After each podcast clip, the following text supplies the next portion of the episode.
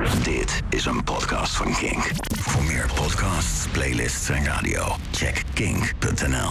Je luistert naar Oeverloos op Kink, aflevering 14. En Oeverloos wordt je aangeboden door de muziekgieterij. En mijn gast vandaag in Oeverloos is journalist en schrijver Peter Middendorp. Peter, welkom. Dankjewel. Fijn dat je er bent. Fijn om er te zijn. We gaan het hebben over eh, muziek en we gaan het hebben over journalistiek... maar we gaan het vooral hebben over jouw nieuwe roman, Neven.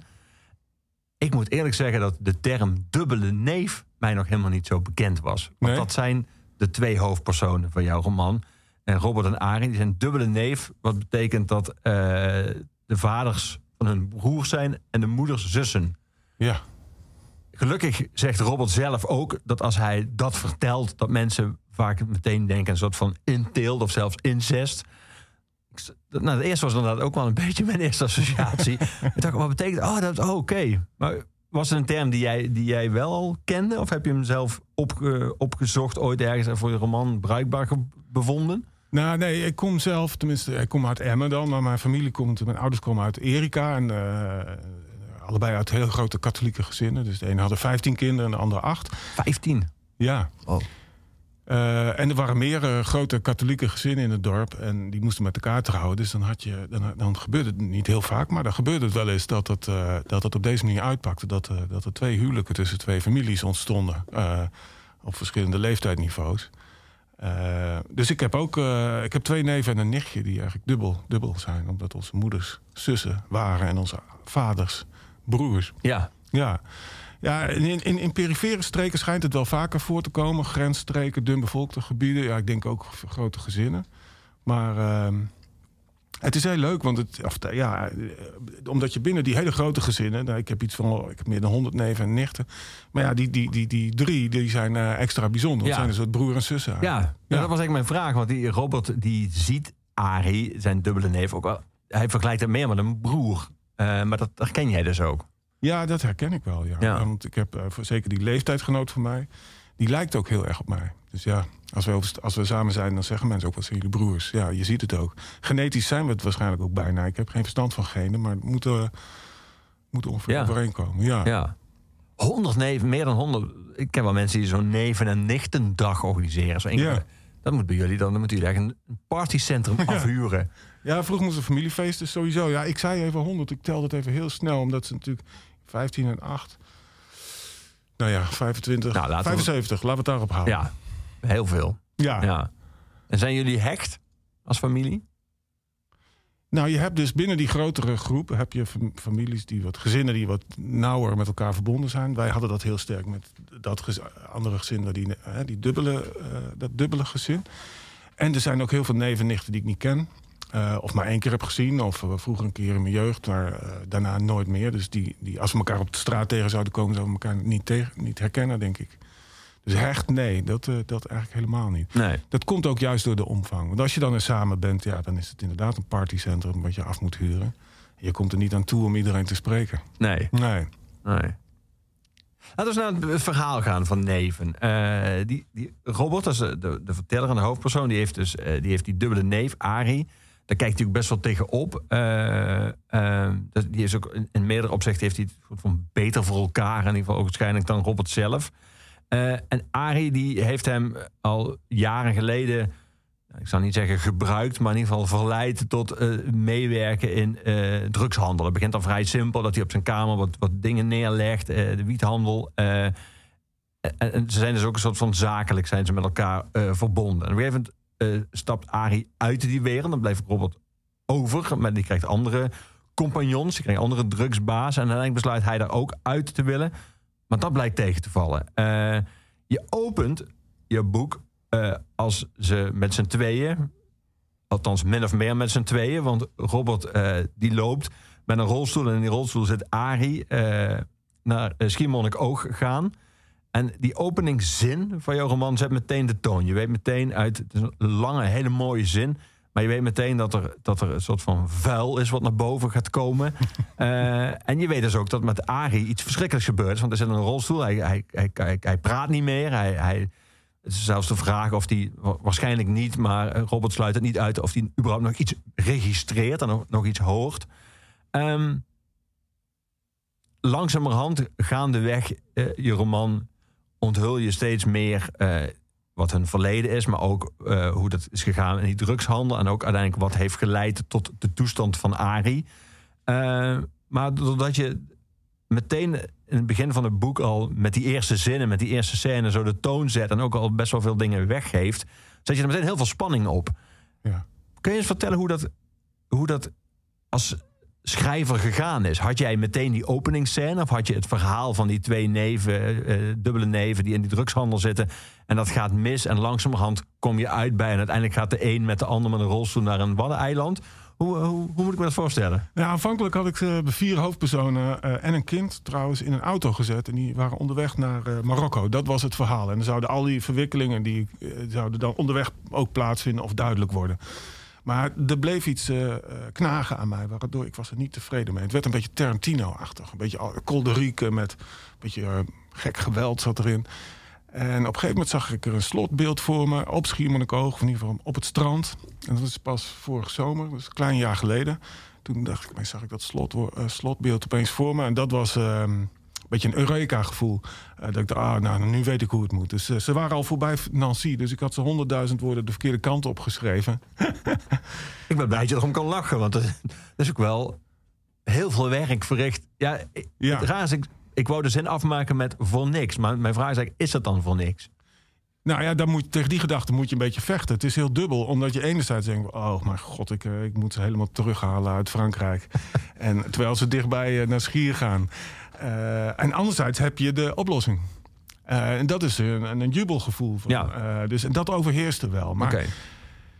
En dat beeld was ook echt... Je zei, ik had opeens het beeld, maar hoe, hoe heb ja. je opeens het hoe, hoe, als schrijvende... of liep je ergens Zie je dat opeens voor je? Of was je toevallig op Schiermonnikoog en dacht jij, dit is wel... Er was tijdens een telefoongesprek uh, dat er een aantal dingen voorbij kwamen uh, over het boek. Met een redacteur ging het uh, over het boek. En, en, en, toen ik neerlegde, dacht, zag ik zo, ja, ik zag het voor me, zag ik zo opeens voor me lopen. Dus ja, en dat is wel gek, want, ehm, nou gek. Eigenlijk is het ook normaal. Met columns doe ik het erg, of met, met korte verhalen of met andere romans heb ik dat ook gedaan. Eerst heel veel schrijven en dan als je heel veel materiaal hebt, dan gaan kijken van ja, wat is het eigenlijk? Wat is de kern? Wat wil ik eigenlijk vertellen? En uh, wat is het belangrijkste? En het ideale geval, dat was bij de vorige roman... kon ik zo mijn roman eruit snijden, want hij, hij zat ertussen. In dit geval uh, moest ik een hele nieuwe vorm gaan bedenken. Dat heeft dan ook alweer veel tijd gekost. En heel veel gepuzzel om, uh, om dat zo voor elkaar te krijgen. Ehm, ja, dus voor niks. Het kan soms een beetje voor niks voelen. En, en zolang, dat, zolang dat beeld uitblijft van nou, nu weet ik hoe het moet, voelt het ook een beetje van waar, waar gaat het naartoe? En, maar ik heb later ook wel gehoord dat sommige toneelstukken op die manier worden gemaakt. Dus dat mensen heel lang gaan improviseren en uh, tekstschrijver komt, loopt heen en terug. En nog eens dit. En aan het eind van het jaar zeggen wat hebben we nou? En wat willen we nou eigenlijk ten diepste? Ja, ja. Ja, het is denk ik, ik, ik hoop dat ik ooit nog een manier vind om het wat sneller te doen. Dat die helderheid, uh, die ik pas, aan, pas in heel laat in een, in, in, in, tijdens het schrijven vind, dat ik die eigenlijk van tevoren. Uh... Ja, en je zei. Een afhankelijk idee, we zaten ze met z'n vier en een kind in een auto, gingen ze naar Marokko. Uh, dan zijn er dus ook personages gesneuveld. Nou, dat zijn eigenlijk, waren Arie en Ro Robert, dus de hoofdpersonen. En hun vriendinnen. Ah, okay. En een kind. Ja. Dus uh, nou, die kinderen spelen eigenlijk geen rol bijna in het boek. En die vriendinnen ook een kleine rol. Maar, ja. maar in wezen waren het wel dezelfde personages. Oké. Okay. En heb je dan een soort van gevoel dat je uh, een soort van. Uh, want bijvoorbeeld die vriendinnen zitten er nog in, maar die, zijn, die spelen inderdaad een veel kleinere rol. Dat je daar vervolgens kan een soort van goud graven in alles wat je al over ze geschreven had. En dat je daar dan de, de mooiste dingen uit kan plukken in, in die kleinere rol, voor die kleinere rol die ze dan nu hebben. Ja, alleen ik maak een soort raster dan. Hè, want het zijn, je hebt heel veel verschillende tijden. Als je zo'n road novel-achtige structuur kiest... waarbij dus de personages zijn onderweg van A naar B... dat is, doen ze bij wijze van spreken in een dag. Maar tegelijkertijd vertel je dan ook het hele leven... en alle achtergronden van die mensen. Um, dus moest ik die andere structuur uh, gaan bedenken. Toen ik die bedacht had, ging ik in mijn oude materiaal. En dan dacht ik, oh, dan heb ik dit over die en dan zet ik daar. En dan, maar dat werkt dan niet meer, want je hebt een nieuwe vorm... en dat heeft ook een andere toon en dat past dan niet meer. Je wil het erin plakken en, uh, en, je, en, als je het dan later gaat teruglezen... zie je dat gewoon, het is een. Ja, ja. ja. Dus, uh, en sommige, moest, sommige stukken moesten en zouden erin. Die heb ik dan aangepast. Maar heel veel sneuvelt dan of ja. verdwijnt. Ja, ik heb ze wel uitgeprint en in een doos gestopt. een soort bezwering van het is niet verloren gegaan, ik heb het nog. Ja, ja en er zit ook, want er, er waren ook al wat scènes in Marokko, had ik geschreven. En de uitgever zegt dan van, nou, we hebben nog wel een eh, verhaal over Marokko van je te goed. Want er waren toch allemaal scènes over de- op dat terras daar. En, maar ik weet niet, ik, ik, ik, ik, denk dat dit ook, ja... eh, het levert een eh, als het een goede roman oplevert, dan is het niet erg dat je dingen moet weggooien. Nee. nee. Je noemde Tarantino even. Eh, die heeft natuurlijk eh, school gemaakt met niet alleen een hele flamboyante stijl, maar ook met een soort van ironisering van zwaar geweld. Die bero- beroemde scène, onder meer in Pulp Fiction, waar dat pistool per ongeluk afgaat en, alle bloed op de bank en moet daarna schoon worden gemaakt door John Travolta. Ja. eh, en, en, en, en dat absurde gesprek dat daarna eh, van hoe kon, hoe kon je nou, oh ja, dat ging over een drempel en Ja. eh, hij heeft, ik zou bijna zeggen, als weinig anderen de kunst verstaan om iets wat op zichzelf heel schokkend is, namelijk echt zwaar fysiek geweld, om daar een soort twist aan te geven, dat het eigenlijk gewoon heel grappig wordt. ja. Daar wilde je wegblijven. Tegelijkertijd moest ik ook een paar keer, ik weet niet of dat de bedoeling was, maar echt smakelijk lachen om sommige scènes en even. Ja, nee, nee, nee, dat mag. Het is ook een beetje een, eh, een zwarte komedie. eh, donkere humor, dat, dat, dat, dat zit er zeker in. En ik, ik las laatst ook, moest ik een stukje voorlezen, moest ik zelf ook lachen. Mensen gingen lachen. Ik denk, hé, ik wist helemaal niet dat dit grappig was. Eh, omdat je namelijk, als ik aan het, aan, in de eindfase van een roman ook heel veel grappen eruit haal. Omdat zodra je gelachen hebt, is de spanning ook een beetje weg. Ja, En dan ja. moet je hem weer opbouwen. En ja, dat, dat, dat, eh, dat komt dan. in- Dan moet het verhaal soms voorrang krijgen op de grap. En dan heeft die grap dan alleen gediend om mij eh, tijdens het schrijven te vermaken. Ehm, ja, ik was natuurlijk, ben nog steeds groot fan van Tarantino. Dat, eh, die totale onzingesprekken, terwijl er gruwelijke dingen tegelijkertijd Ja. gebeurden. Dat, dat, dat, ja. Maar is dat, wat je in het begin zo nadrukkelijk zei, dat je daar weg wilde blijven, is dat, is dat een heel, ervaar je dat als schrijver als een heel dun lijntje, waar hij op balanceert en wat je als schrijver moet waken, dat je de humor niet ten koste laat gaan van de spanning, of eh, wat je net zei, dat je bijna letterlijk de spanning weglacht, en Ja. dat, die dan, dat die dan dus ook weg is. Ja, ja, ik weet niet of dan helemaal. Ja, ik denk, zo voelt het voor mij wel. Ja. En dat, eh, sommige scènes passen. dat- Ja, dan. Nou, ik weet niet of. Ja, ik denk dat dat een dun lijntje is. Dat moet je wel precies doseren, denk ik. En eh, ehm, eh, ook proberen om de. Bij wijze van spreken, om een situatie grappig te laten zijn. Of Mhm. een, een, een personage. eh, in plaats van dat de schrijver grappig is. Daar moet je vallen. Dat is link, vind ik. Dat vind ik niet mooi als de schrijver. Dan, dan, dan raak je uit het verhaal. En dan zie je bij wijze van spreken het gezicht van de schrijver voor je. En die maakt dan een kwinkslag, zodat je even moet lachen. Ja. Dus ja, dat komt wel precies, ja. En weet, weet, weet je het vaak wel? Wat werkt en wat niet, en wat kan en wat niet? Nou, als ik zelf moet lachen, dan weet ik vaak dat het een leuke grap is. Dan komt meestal wel... Dan, dan, dat gebeurt ook niet elke dag namelijk, gelukkig. Ik zit niet de hele tijd te lachen. Maar ehm, eigenlijk is het antwoord nee. En eh, ik las laatst een interview, of een, was het een artikel van Lise Spit, de Vlaamse schrijfster. En zij schreef, als een eh, schrijver een boek af heeft... weet hij eigenlijk niet zo goed wat hij heeft gemaakt. En dat vond ik een hele mooie uitspraak, omdat ik... eh, vooral in het begin niet, hè. En van Tommy Wieringa is de uitspraak... een schrijver weet niet of hij aan een meesterwerk werkt of aan een fot. Eh, maar ik dacht altijd dat... dat, dat nee, je kan wel zien of het eh, goed geschreven is... maar of het werkt en wat het met de lezer doet... dat is echt puur afwachten. Ja, Ja. en dan, ja... eh, Nog steeds. Nou, ik zou bijna zeggen, na al die boeken die je inmiddels al geschreven hebt. ja, En merk je dan bijvoorbeeld, je, je haalde zeker. net aan als je wel eens voordraagt, dat je bij voordragen, dat je dan pas opvalt, hey, ken ik, is dit grappig of ken ik vinden mensen dit heel mooi? Of, Nou, nee, omdat ik meestal dan, meestal zeggen ze mensen van tevoren wil je wat voorlezen, kies ik een stukje uit en dat oef ik dan eh, thuis, net zolang dat ik niet meer haper en dan dat het ritme mooi overkomt en zo. Maar je krijgt ook wel eens tijdens een interview, oh, ik heb hier een stukje, dit vind ik, wil je dit nu voorlezen? En dan, dan, dan, eh, zie je het bijna voor het, eventje, heb je het gevoel alsof je het weer voor het eerst Ja. En eh, ja, dan merk je direct de reactie van het publiek. En, eh, en dat is ook sfeer afhankelijk natuurlijk. Soms hebben gewoon mensen gewoon zin om te lachen. Dat kan ook. Maar ja. ja, toen had ik weer een beeld van, oh, wacht eens even. Het is, eh, het is eigenlijk veel grappiger nog dan ik zelf dacht.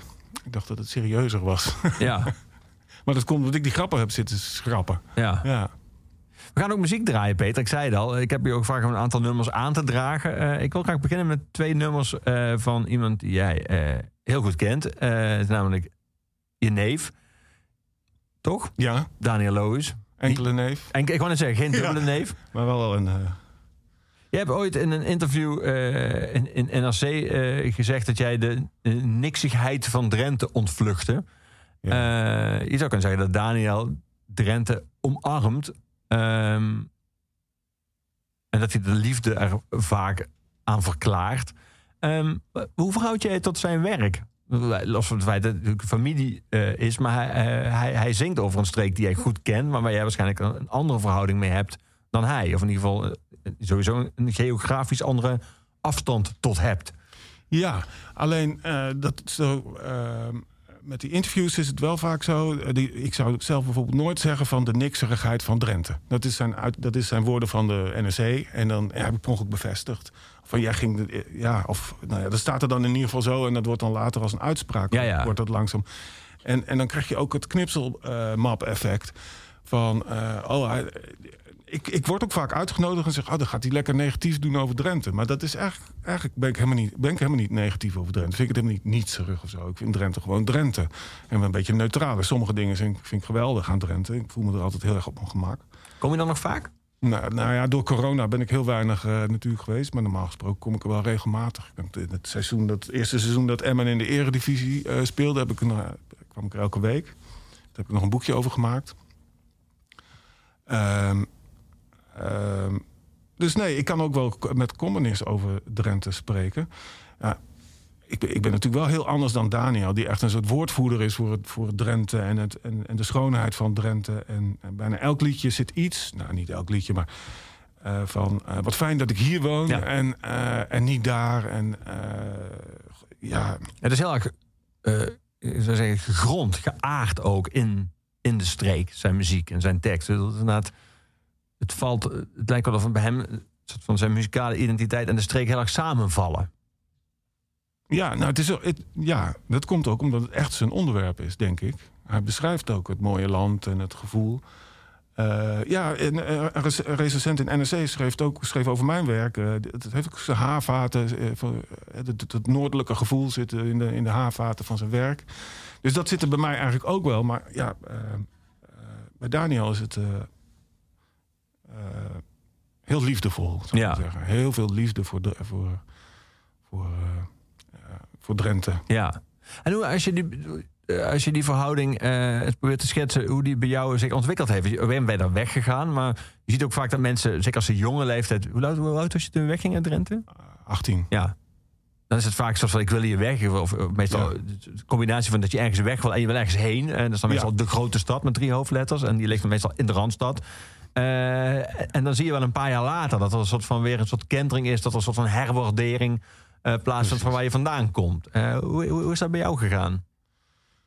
Nou, ik ben eerst naar Groningen gegaan, toen naar Amsterdam en toen eh, daarna terug naar Drenthe. Daar heb ik nog een tijdje in Emmen gewoond. Daar heb ik mijn eerste roman geschreven. En daarna heb ik heel lang getwijfeld tussen waar moet ik nou gaan wonen. Moet ik nou in het noorden blijven? Moet ik naar het westen? En ik ben in Amsterdam, heb een aantal jaren gewoond. In Den Haag ook. Toevallig door de liefde ben ik teruggekomen in Groningen. Maar ik denk ook wel dat dat bij me past. Eh, eh, ja, dat hele drukke, dat hele grote en overzichtelijke. Ja, als ik in Amsterdam lang ben of in een grote stad, dan, dan gaat me dat op een gegeven moment een beetje benauwen. Dat, dat idee dat achter het volgende huizenblok nog een huizenblok staat. En dat daarachter nog een huizenblok. En dat als je naar de weilanden wil, dan moet je. Ja, waar moet je heen? En in Den Haag had ik dat nog een beetje sterker, hoewel je daar naar het strand kan gaan. Omdat dat echt een hele, voor mijn gevoel ook zo'n conglomeratie van steden is Ja, ja. waar je nooit meer uitkomt. En dat waar ik nu woon, ben ik in, ja, op de fiets ben ik in vijf minuten tussen de weilanden. Eh, ja, dus- grappig, ken ik altijd. Het, het strand heeft voor veel mensen die functie eigenlijk van een weiland. Maar dan ja, plus water. Eh, Maar Precies. Dat, maar dat, dat had dat werkte niet bij mij. Ik Nee, weet niet, nee. achteraf stom. Ik had gewoon naar het strand moeten gaan. Ehm, maar nee, toen ging ik ook gewoon vaak de, de stad uit. Nee, dus ik, ik heb eigenlijk altijd wel het gevoel dat ik ertussen zit. Tussen, Ja, ja. tussen stad en land. Eh, eh, dus dat ik, ja, ik mis Amsterdam en Groningen en andersom. En, eh, maar ik denk ook vaak eh, na over wat zou ik doen. Ik heb een gezin. Wat zou ik doen? Waar zou ik naartoe gaan als ik alleen was? Want Groningen is eigenlijk ook veranderd. Dat was toen ik er kwam, 18, was het nog een, een beetje geïsoleerd stadje. Klein, op zichzelf gericht. Beetje alternatief ook, met een Ja. heel eigen karakter. Dat zag je terug in, de, zowel in de bands als in, de, in het voetbal, bij wijze van spreken. En nu wordt het ook een hele grote stad. Je hoort alle talen op de straat. En dan denk ik wel eens van, ja, wat zou ik, waar moet ik eigenlijk naartoe? Ja, Eigenlijk zou ik een klein dorpje in de buurt van Amsterdam moeten wonen. Dat zou het ideaal zijn. Dat je wel, wel de grote stad kunt hebben, maar ook de meeste tijd in het weiland kunt doorbrengen. Ja. Ja. Helaas willen een paar miljoen mensen wonen in een klein stadje net buiten Amsterdam. Dus die zijn allemaal volslagen onbetaalbaar. Dat is, dat is eh, ik begrijp het ze wel trouwens. ja, dat is onbetaalbaar. Ja. We gaan uh, nummer draaien van Daniel, uh, van jouw neef. Ten oosten van uh, de Lessel. de IJssel. IJssel, sorry, jezus. Ja, hij schrijft Isel. Ja, Isel. Dus Ja. daarom, ja. Waarom, waarom deze? Want hij heeft inmiddels, hij heeft natuurlijk met Skik volgens mij vier albums gemaakt. Maar daarna zijn productiviteit als soloartiest is echt ongekend groot. Zowel Ja. als theatermaker als ook het maken van albums. Ik heb het gevoel dat hij een soort van bijna Herman Brusselmans-achtig tempo eh, muziek blijft maken. Dus ken ik aan inspiratie geen gebrek. Dus wa- waarom deze? Waarom ten oosten van de Isel? Wel grappig dat je dat zegt, want hij doet natuurlijk ook nog veel voor anderen. Hè? Hij produceert Ook nog, ook nog ja. eens. En schrijft heel veel voor anderen ook. Ja, Ja. oh, ja. Hij heeft Nou, dit- hele, dit- hele album zelfs voor iemand als eh, Stevie N. Heeft hij volgens mij een heel album Oh, voor ja. geschreven. Dus ook dat nog. Dus niet eens al zijn nummers komen bij hem zelf terecht. Nee, nee, nee. Eh. Soms ook heel verrassend. Robert Long of zo. Nee. Ja, ja, Ja, en eh, Rob de Nijs. Rob de Nijs Ja, bedoel ik, denk ik. Ja, Robert Ja. Long is natuurlijk al eventjes eh, gestorven. Ja, op de Nou, dit, dit nummer, eh, ten oosten van de Easel, op zijn Drents gezegd. Er zit trouwens een heel mooie strofe in over eh, vliegmachine. En wat, wat, wat er gebeurt als je verder reist. Vanaf de IJssel verder naar het oosten. Dus daar moeten de, moet de luisteraar straks eventjes op letten. Maar dat beschrijft eigenlijk precies dat gevoel wat we nu hebben. Van tussen stad en land zitten. ja, En hij schrijft, eh, dus je gaat voor, de, voor je plezier of voor je werk af en toe naar het westen. En dat is hartstikke leuk, maar eh, dan wil je op een gegeven moment wil je graag terug. En dan ga je met de auto of met de trein en dan ben je de bruggen eenmaal over. Dan ben je zowat weer thuis. Dus als je de IJssel over bent, dan kom je in ons land. En dat, dat, en dat gevoel heb ik als ik in de trein zit, eerlijk gezegd ook. Als, de, ja, als ik het water zie, denk ik, ja, ik ben er bijna. ja. We gaan er ik- luisteren. Daniel Lois.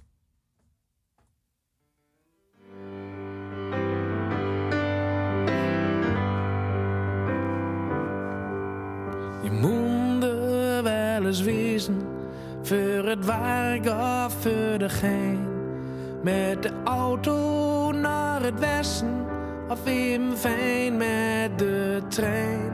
Maar na een poesie is het weer mooi west. Dan wil je wat kroepens weer naar huis. En bij die bruggen eenmaal over, dan ben je zo wat weer thuis. De IJssel is een eigen lege dop. In het land van de wiezen, daar komt de zon op.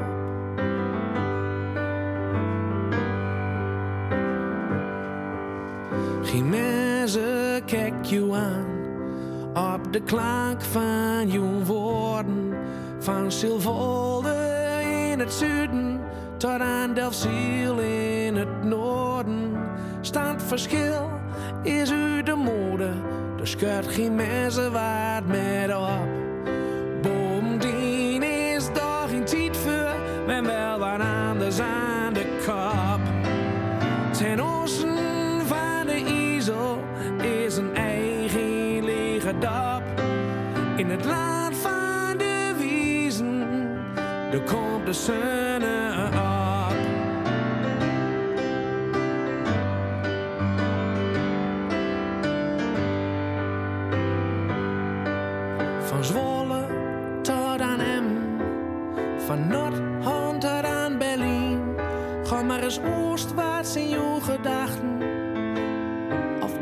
vliegmachine.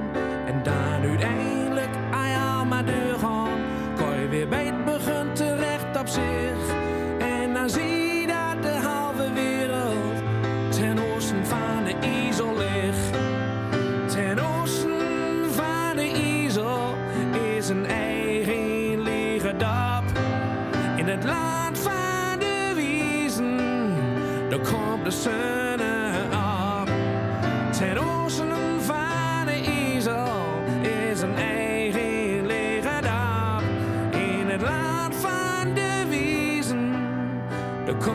komt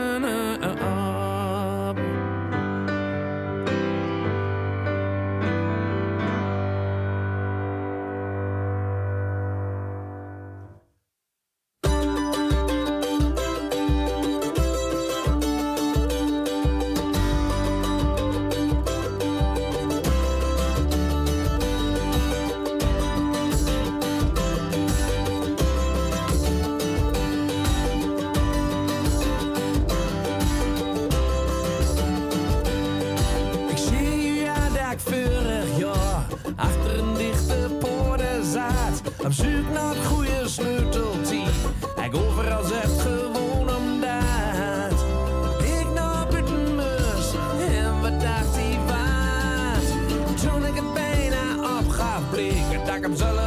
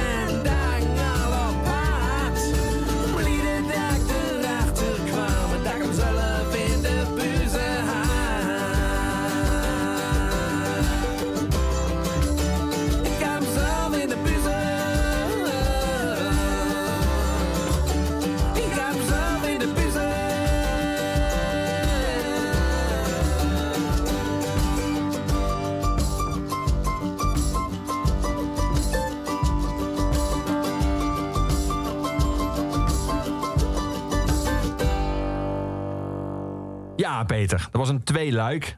Eh dat tweede nummer had hem zelf in de buzen. Ja, ik ben een Limburg, ik kan het niet uitspreken. Hoe moet je het zeggen?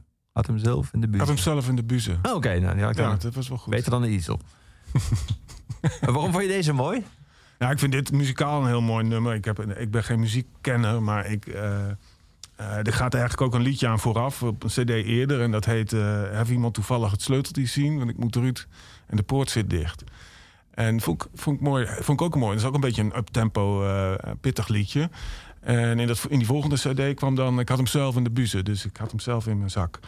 Eh, ja, dus ik vind ze allebei lekker, eh, gewoon lekkere nummers. Eigenlijk, en mooie, leuke, grappige teksten. Ja. Dus, ja, daarom heb ik deze uitgekozen. Ja, Eigenlijk niet om een diepere reden. dat is genoeg. Ja, Over diepe reden gesproken. We hebben het over, over je nieuwe roman, over Neven. Ehm, die Robert, de hoofdpersoon, die dus uit, uiteindelijk ook uit, uit de, het wereldje wil stappen.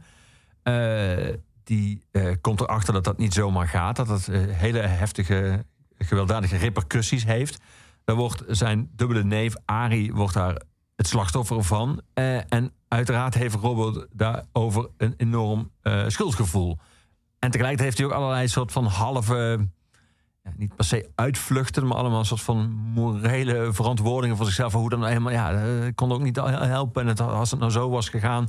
En, dat, dat, dat, dat, dat, en tegelijkertijd ook met een soort gevoel van, ah, ik had dat moeten zijn, letterlijk, maar ook ik had dat eigenlijk willen zijn. Want dan had jij nu, dus zijn neef Arie, niet eh, in die rolstoel gezeten. Dat speelde een enorme rol. Dus schuldgevoel. Eh, Je begint ook, je haalt ook meteen in het begin eh Dostoevsky aan. Het misdaad en straf. Wie een geweten heeft, die zal moeten lijden wanneer hij zijn fout inziet. Dat is dan zijn straf. Ehm, dat thema eh, van schuld en verlossing en schuldgevoel. Was er ook voor jou meteen duidelijk dat dat een van de belangrijkste ja, ik zeggen, psychologische eh, motors in het verhaal moest zijn? ja, ja, eigenlijk wel. En het kwam er door, een, eh, door iets wat ik zelf heb, meegemaakt. Dus romans ontstaan vaak bij mij. je hebt een indringende ervaring, daar blijf je over nadenken. En op een gegeven moment ja, gaat dat pruttelen en er komt er wat bij. En, dan, en, en, dit kwam een ervaring. Mijn vader, die vier jaar geleden, eh, eh, ging dood. Eh, hij werd ziek. En ging heel snel achteruit. We moesten met grote spoed naar het ziekenhuis. want hij moest aan de beademing. Zijn kansen waren heel klein. Niet heel eigenlijk, maar ze gingen toch nog proberen. En we moesten heel snel afscheid van hem nemen. Maar ook weer niet echt, omdat hij eh, van emoties kon hij niet meer aan. Dus dan kreeg hij het benauwd en dan konden de anderen geen afscheid nemen. Dus, en, en omdat hij natuurlijk nog een, klein kansje had van 1% of zo. Dus ja, die wil hem ook niet als zijn, eh, zijn hoop ontnemen. Dus ik vond het een heel spannend moment. En ik kwam die kamer binnen en hij draaide zich om, en, eh, of zijn hoofd om en naar me toe en zei: Sorry, ik heb grote fouten gemaakt. Nou ja, ik zei, ja, eh, ik wist niet precies waarop hij op doelde. eh, maar ehm, eh, er was heel weinig tijd. Ik zei, dat geeft toch niet. En je hebt je altijd je best gedaan. En ik hou van je. En, maar later ging ik er wel veel over nadenken. Over, over, over schuld en verantwoordelijkheid. En wat doe je je kind aan? En, en in hoeverre is, kan je je vader zoiets verwijten wat hij heeft gedaan? Ja, die, hij had ook een vader, weet je wel. Dus, en ik ben ook vader intussen. En dat heb ik al, dat, die, die, die mengeling van dat je tegelijkertijd kind en vader bent, heb ik ook altijd wel bijzonder gevonden. En ik hou ook wel erg van personages die niet heel eenduidig zijn. Dus ik hou niet van alleen een dader, dat is heel vlak. Of alleen een slachtoffer. Dus ehm, dat, zo begon ik na te denken over dat thema. Dat is het begin van dit boek geweest. En dan heb ik zelf ook ervaringen met eh, drugshandel van 20 jaar geleden. was ik 30. Eh, een vriend, die, die, die was die eh gesjeeste student, die, was daar, die, die zat in de handel en die liet af en toe wat bij mij staan. En daar kreeg ik dan geld voor. En dat zou je dan tegenwoordig een stash noemen. En dat werd ook al wel wat groter langzamerhand. Maar dat was echt een hele andere tijd dan nu. Dat waren echt nou, vriendelijke mensen, normale mensen, gesjeeste studenten, uitkeringsgerechtigden, postbodes. De ene had een paar plantjes op, of een, een, eh, een hok, zoals we dat noemden, in zijn huis. De ander kon met elektra omgaan. En nou ja, zo had je iedereen kon wat. En samen hadden ze dan zo'n zo'n zo'n business, zullen we Ja. zeggen. En ik zat eh, altijd thuis en eh, te schrijven. Dus ja, dan konden ze makkelijk even wat bij mij neerzetten. Eh, Dat was ook je enige taak. Dat het daar stond en dat het weer wordt opgehaald. Dat was eigenlijk alles. Ja, dat was, ja. En, en, en, en geweldig de Sjaak zijn als de politie aanbelt. Ja, nou, daar stond ik toen echt niet bij stil. En ja, wiet, zeker wiet, was toen ook nog niet zo... werd al- heel anders gezien twintig jaar geleden. Dat was een, echt een andere... Er was geen geweld. Nee.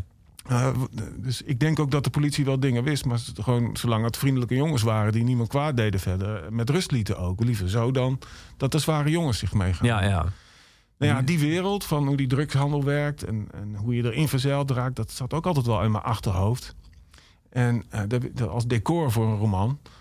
Ehm, eh, dus die twee dingen, dat idee van schuld en verlossing en verantwoordelijkheid en verwijtbaarheid. eh, nou, en, en die wereld van de drugs, dat is een wereld waar je heel makkelijk ergens schuldig aan maakt. En ook belangrijk voor deze roman, en in het echt trouwens ook, is dat je wordt heel snel ergens van beschuldigd. Ja. Niet zozeer per se alleen door de politie, maar eh, ja, we hadden een kilo bij je neergelegd en nu ligt er minder dan een kilo. Dat soort tafereelen. Of, nou ja, onze loods is, is overvallen of geript of de politie heeft hem leeggehaald. Eh, jij was de enige die wist dat daar... eh, dus jij moet het wel verraden hebben. Nou, dat soort verhalen heb je in de drugswereld heel veel. Dus die twee dingen, oh, eh, die, dat thema en die, en die wereld, die kwamen op die manier samen. En zo is dat is het begin van deze roman Ja. geweest. Het, het grappige is, als je het zo vertelt, dan lijken het verhalen. Dan denk je, ja, dat, dat zijn twee verhalen. Die hebben eigenlijk niets met elkaar te maken. Maar in een roman komen ze totaal samen. Want de scène die jij net beschreef, die geen scène was, maar gewoon bij jou werkelijkheid, eh, helaas, eh, van het afscheid van je vader. En je vader die sorry uitsprak, die, die scène zit eigenlijk letterlijk in je, in je roman. De, Ja. de vader van Robert, eh, die ziek wordt en ongeveer halverwege het boek overlijdt.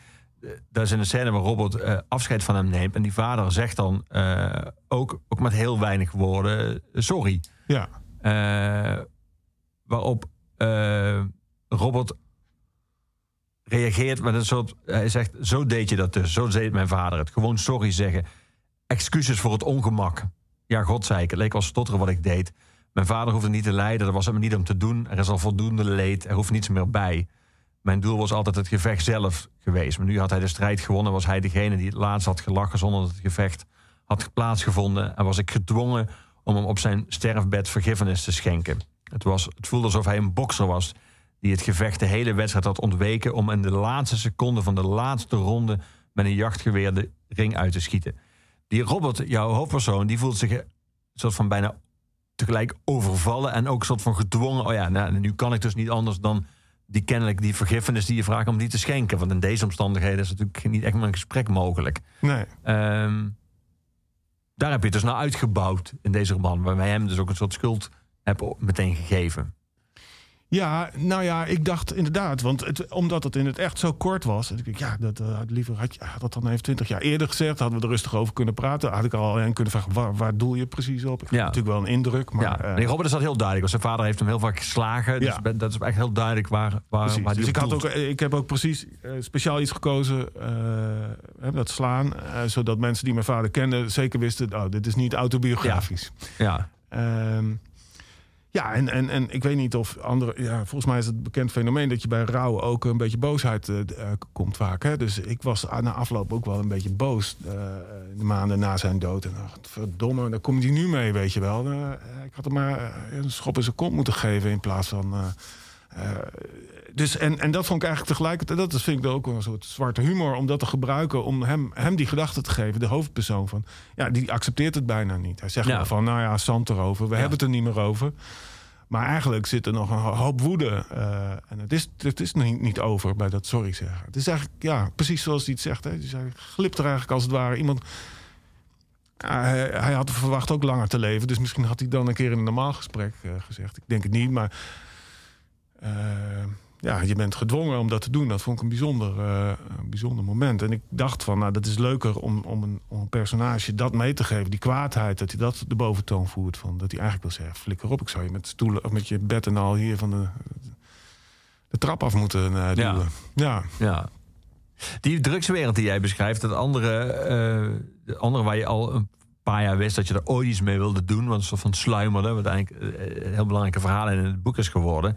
Die, die ja, ik zou bijna zeggen, goedmoedigheid daarvan en een soort van soort charmant amateurisme, dat, dat is er wel echt helemaal af. En dat is in jouw roman. Ik bedoel, die Robert is in die zin nog heel naïef dat hij zich niet realiseert dat als je eenmaal in die wereld stapt, dat je er niet zomaar uit kan stappen. Dat dat repercussies heeft. Maar Ja. die scène die jij net beschreef, dat mensen betwisten of, je, of, of de voorraad die je aandraagt, wel de voorraad is die zij geleverd hebben, daar krijgt hij ook mee te maken. Hij heeft ook daadwerkelijk dit paar dingen achterover gedrukt.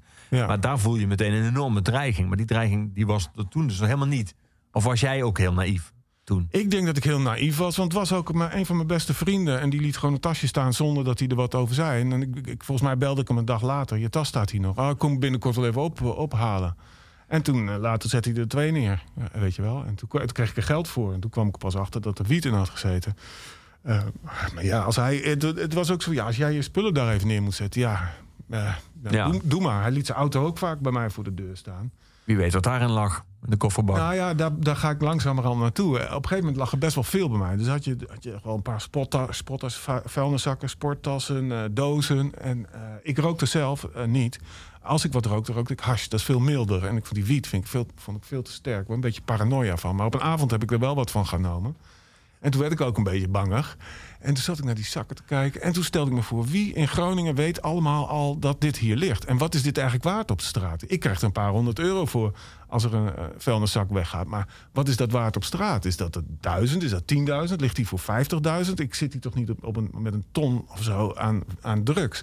En toen stond die auto, de uh, auto stond ook bij mij voor de deur. Want die man die ging dan de kroeg in en dan ging hij met de taxi naar huis en stond die auto nog bij mij. En uh, ik dacht, ja, die staat op de stoep. Hij had ook elke dag wel twintig of tien uh, parkeerboetes. Altijd van die, en er waren nog van die gele flappertjes, die, die gooide die altijd weg. het was een hele leuke, een hele leuke man. Uh, en ik dacht, ja, weet je, allerlei criminelen uit de stad weten gewoon dat daarvoor een halve ton of een ton wiet ligt. En dat er maar alleen maar een slap schrijvertje woont. Je kunt zo de deur open doen en de boel meenemen. Hij zegt niks. En toen dacht ik, weet je, ik moet die auto weg. Die staat hier voor de deur. Stel dat de, dat, dat, dagenlang hier staat, dan komt de politie misschien aan de deur. Wie weet, er komt een, een stank natuurlijk uit mijn huis. Dus ben ik met die auto weggegaan. En werd ik aangehouden. Oh, of dacht ik, zet ik hem ergens neer waar, waar je gratis kan parkeren. Dan kan er niks gebeuren. En toen was ik onderweg, werd ik aangehouden door de politie. Ah, toen was ik wel echt heel bang.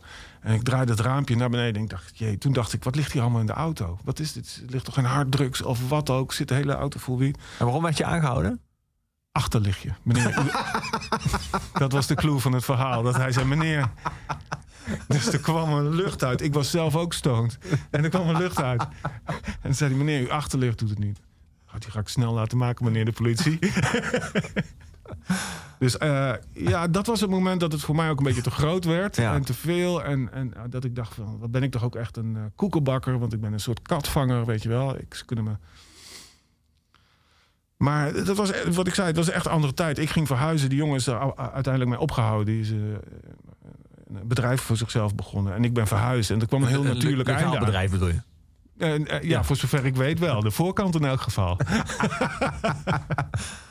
Ja. En eh, ja, ik vroeg me dus wel later af van wat zou er gebeuren als ik het nu zoiets had en ik wilde er nu vanaf. En ik denk dat ze nu zouden zeggen, nou dat is goed, maar we hadden erop gerekend dat je hier nog vijf jaar zou doen. Dan zouden we zoveel geld mee verdienen. Dus als je dat betaalt, dan kun je ermee stoppen. Ja. Nou, dat soort tafereelen. Of dat je, je mag er wel mee stoppen, maar moet je dat klusje voor ons doen? Of eh, ja, ik, ja, ik weet niet. Eh, dus ik zou het nu ook nooit meer durven. En Dat, nee. Nee. nee. We gaan muziek draaien, Peter. We gaan luisteren naar Eels. Eh, wat, is jouw, wat is jouw verleden met de band Eels? Nou, ik, heel lang geleden heb ik ze een keer zien spelen. En eh, Waar was dat? volgens mij was het in Groningen, maar In de Oosterpoort? Of was dat nog in Vera zelfs? een van de twee. Hm. Het is zo lang geleden dat ik het niet meer weet. Maar ik, ik zie beelden voor me. Ik kan die herinnering niet meer, meer precies terughalen. Eh, ja, en toen kocht ik ook de cd's. En ehm, laatst las ik, eh, eh, luisterde ik weer wat oude nummers terug. En die vond ik, eh, ja, ik vond het eigenlijk best wel heel mooi. Ik was het eigenlijk een beetje vergeten. Dus ik dacht, nou, mooie gelegenheid om dat nog eens wat te laten luisteren. Ja. Grappig hoe dat werkt. Want als je dan, je hebt dan een soort beeld van en dat heb je geconserveerd. En dan luister je jaren later terug. Dat kan heel erg meevallen. En, of je kan Ja. erachter komen dat je het precies hebt herinnerd zoals het was. Maar het kan ook enorm tegenvallen. Of je kan ook iets van iets gemaakt hebben achteraf wat het helemaal niet was. Ja, en, het, en muziek past vaak ook bij een soort levensfase of zo. En dat, dit was meer een levensfase waarin ik ook zelf wat meer rock'n'roll was of zo. En, dit, dit, ja, en, en een beetje flirten met het zwarte in het leven en het duistere. Dat doet deze muziek ook Ja. wel. Ze hebben zich later wel wat heel erg ontwikkeld. En hoe, niet altijd naar mijn smaak, maar dan, zeker in die beginnummers zit het echt... Ja, een beetje verzet. Een beetje... eh, ja. En heel, ja, ik vind het heel creatief. Ja, we gaan naar luisteren. Eels. Leuk.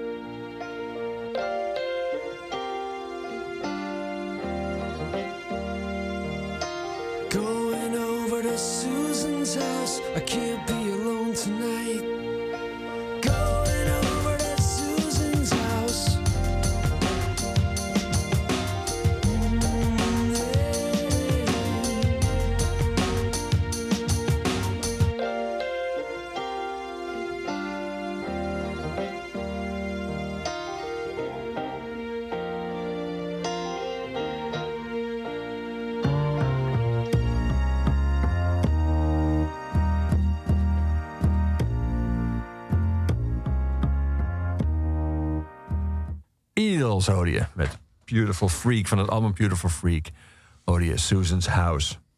Dat was al in 1996, Peter. Toen heb je het dus waarschijnlijk ongeveer in die tijd, eind jaren 90, heb je ze live gezien. Ja, In Groningen. ik denk het, ja. ja. Ik heb geen idee meer. Nee. Maar wel 96 mooi. was ik eh, net klaar met studeren. Dat was wel een beetje die tijd, ja. Dat was ook de tijd waar we het net over hadden, de, dat er eh, drugs in huis lachten. En, en het gekke is, als ik die muziek hoor, komt dat drugsgevoel ook weer een beetje terug. Eh, er zit ook iets drugsachtigs in van Ja. vroeger. Ja, nu, Ja. nu hoor ik dat wel anders.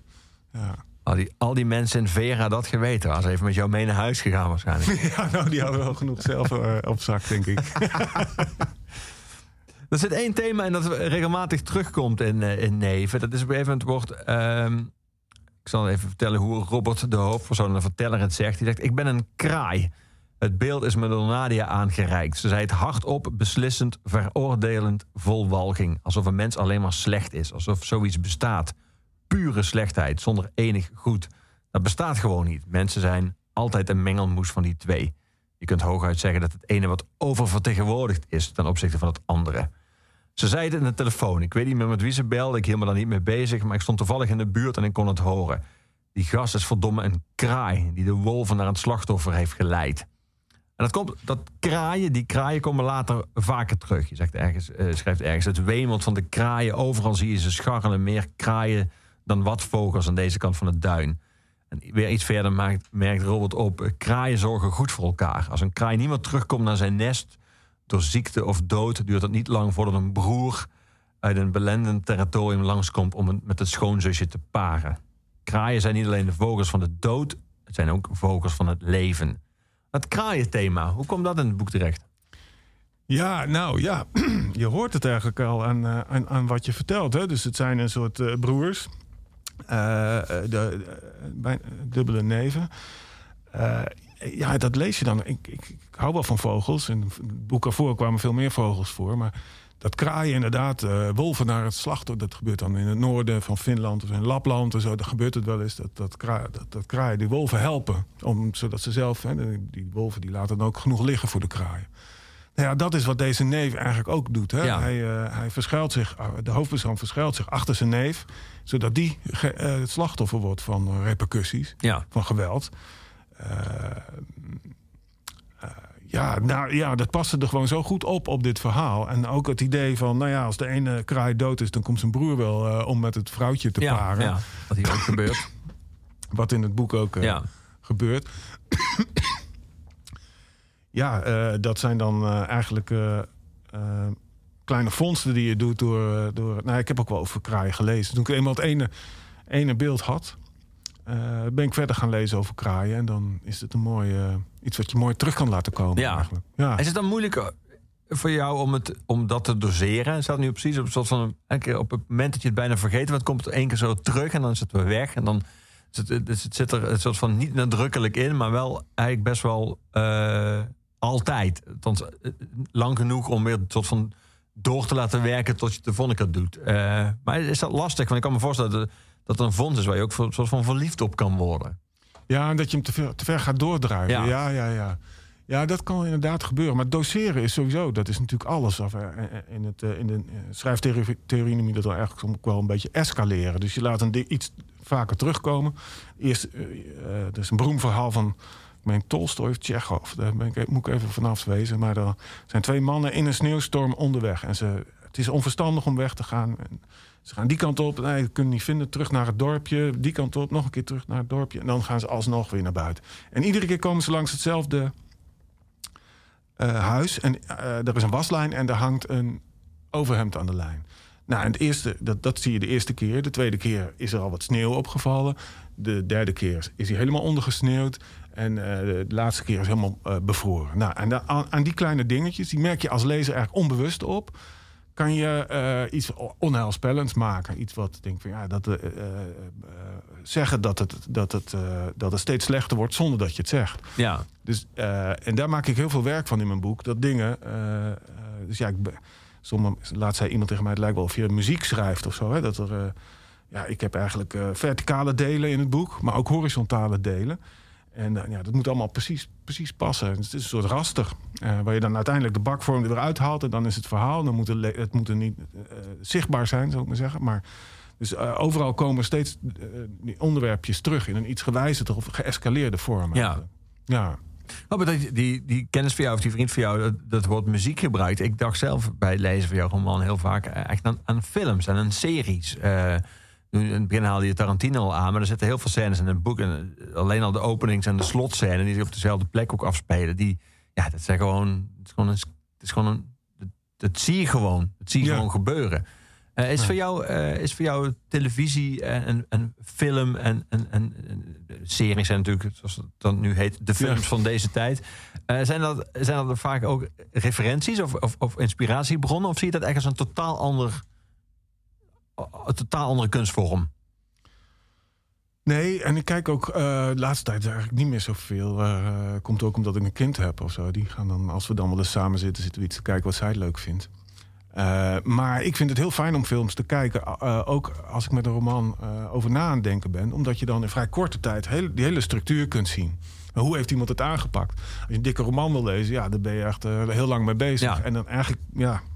Je hebt niet zo snel inzicht in van wat maakt iemand nou en, en hoe heeft hij dat gedaan. En, en Maar jij, jij kijkt dus vrij beroepsgedeformeerd, zou ik bijna zeggen, naar film. Jij kijkt ook, jij, wat je net beschreef, van dat je de rasters, jij, jij bekijkt die rasters van de film, hoe, die, hoe het is gedaan.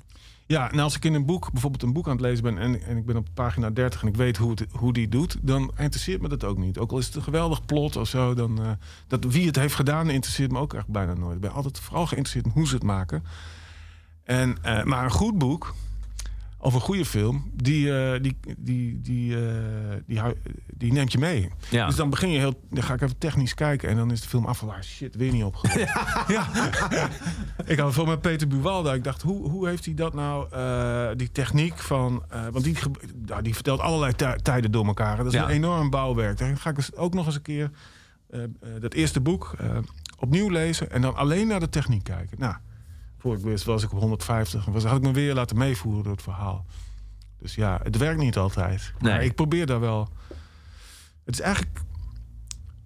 Ehm, soms denk ik, ja, ik, ben er, ik ga er wel een beetje ver in. Ook, eh, nou, ik zal je even vertellen. Mijn columns, die zijn acht alinea's. Ja. Altijd. En, en die zijn 70 eh, woorden lang. En die hebben een topische zin om mee te beginnen. Dat is een overkoepelende zin. En eh, een uitwerking daarvan en een slotgedachte. Eigenlijk is elke alinea dan ook weer een verha- mini-verhaaltje op zich. Dus dat ze allemaal 70 woorden hebben, is eigenlijk een beetje... je mag het, woord autistisch niet gebruiken in deze zin. Neurotisch, laten we het zo noemen. Eh, eh, ik, ik wil daar een beetje... en dat komt door mijn zoektocht naar helderheid. Ik moet eerst alles heel helder hebben, dan kan ik goed schrijven.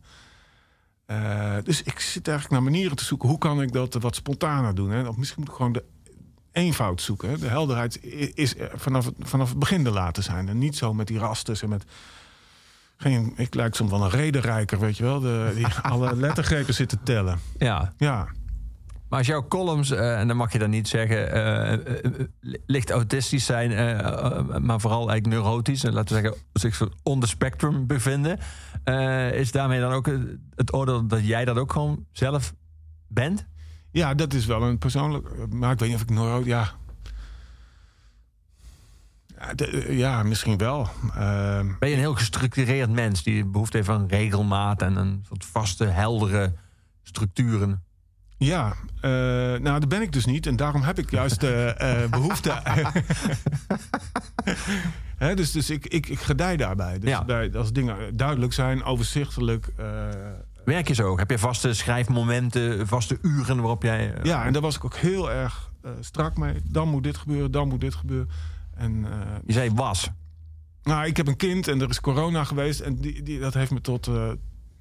Dat heeft me ook heel erg laten zien. Opeens was mijn vrouw en mijn vriendin en, en mijn dochter thuis. En eh, kon ik niet meer doen wat ik altijd deed. Namelijk het hele huis in gebruik nemen. En dan ja, aan de keukentafel eerst dit doen. En dan later naar boven naar de computer. En dan kwam ik steeds mensen tegen. Die liepen voor de voeten. Steeds mensen, ja, die wonen Ja. daar ook, ja. Verschrikkelijk was dat.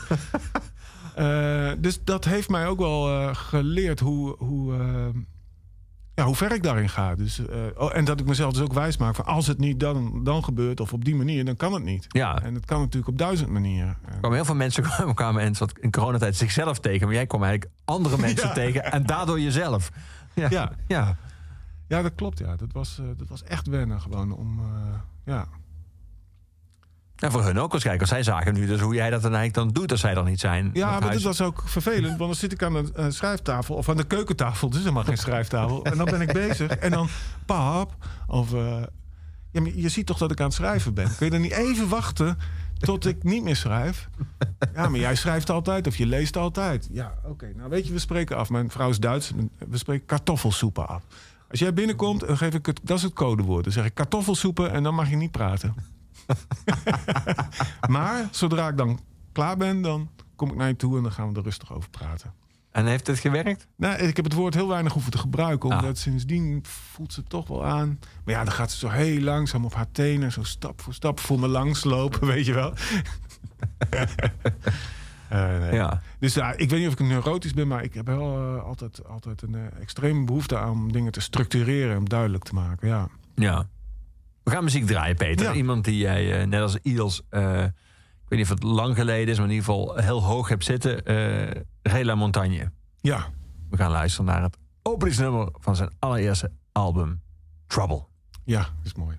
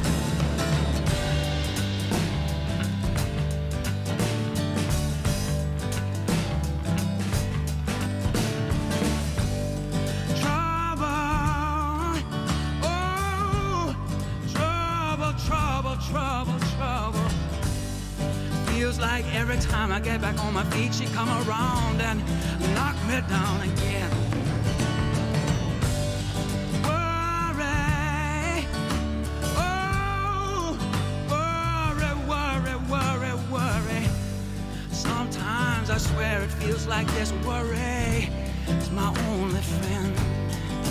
Well, I've been uh,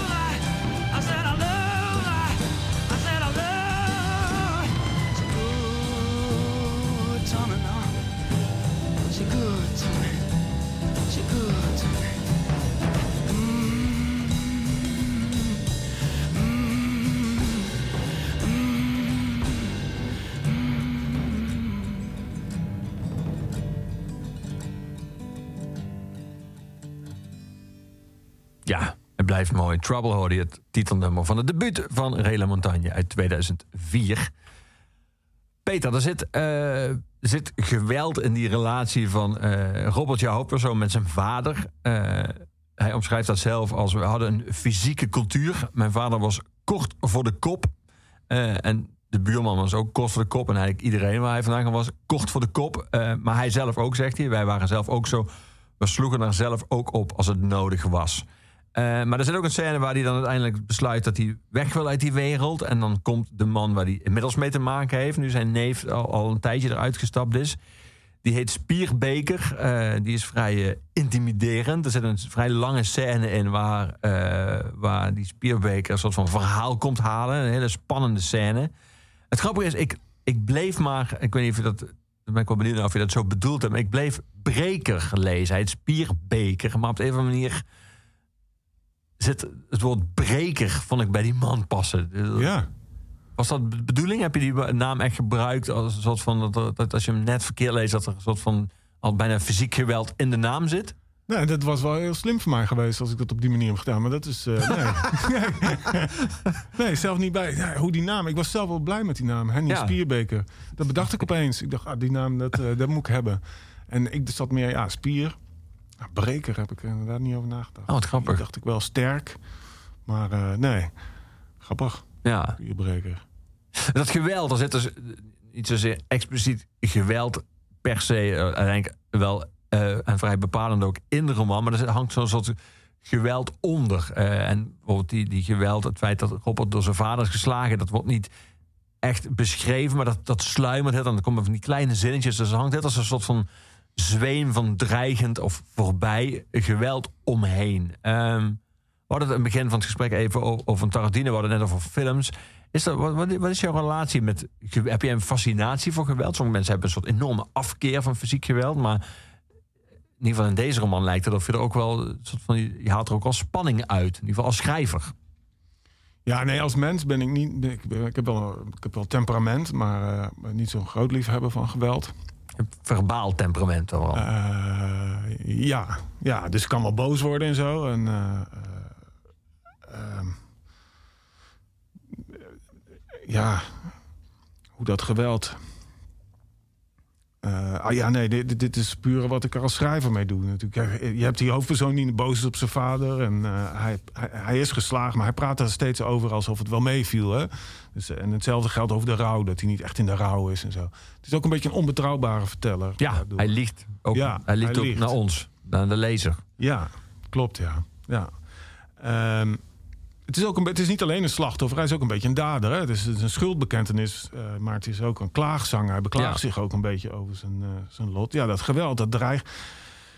Nou, eigenlijk geldt hetzelfde als met humor. Zodra je de grap hebt gemaakt, of, eh, en met seks, weet je wel... na het hoogtepunt is de spanning eraf. Dan, dus dat geweld moet een beetje sluimeren. Dat moet een beetje ah, ja, onder je huid gaan zitten als lezer. Dat Ja. je de dreiging daarvan... heb ik, ja, zo heb ik dat wel geprobeerd, ja. Ja, Ja. Het geldt in literatuur vaak dat er zijn ook schrijven voor de slechtste scènes, eh, of prijzen voor de slechtste scènes, dat seks een moeilijk onderwerp is om, om over te schrijven. Ja. Hoe is dat met geweld? Zo'n scène die ik heel spannend vond, dat eh, Spierbeker eh, dat die verhaal komt halen waar dat soort van geweld ontsluimert. En eh, het gevoel nu gaat het echt mis. Is dat eh, maar, ambachtelijk? Is dat technisch eh, makkelijk te schrijven? Of is het moeilijk om geweld en het dreigen van geweld in taal te vangen? Nee, ik vond dat wel leuke scènes om te schrijven, omdat je, je die, het is eigenlijk een dialoogvorm. Hè? Dus hij, die Spierbeker gaat naar eh, Robert en die komt verhaal halen. En dus je, dat, eh, eh, dat weet je als lezer.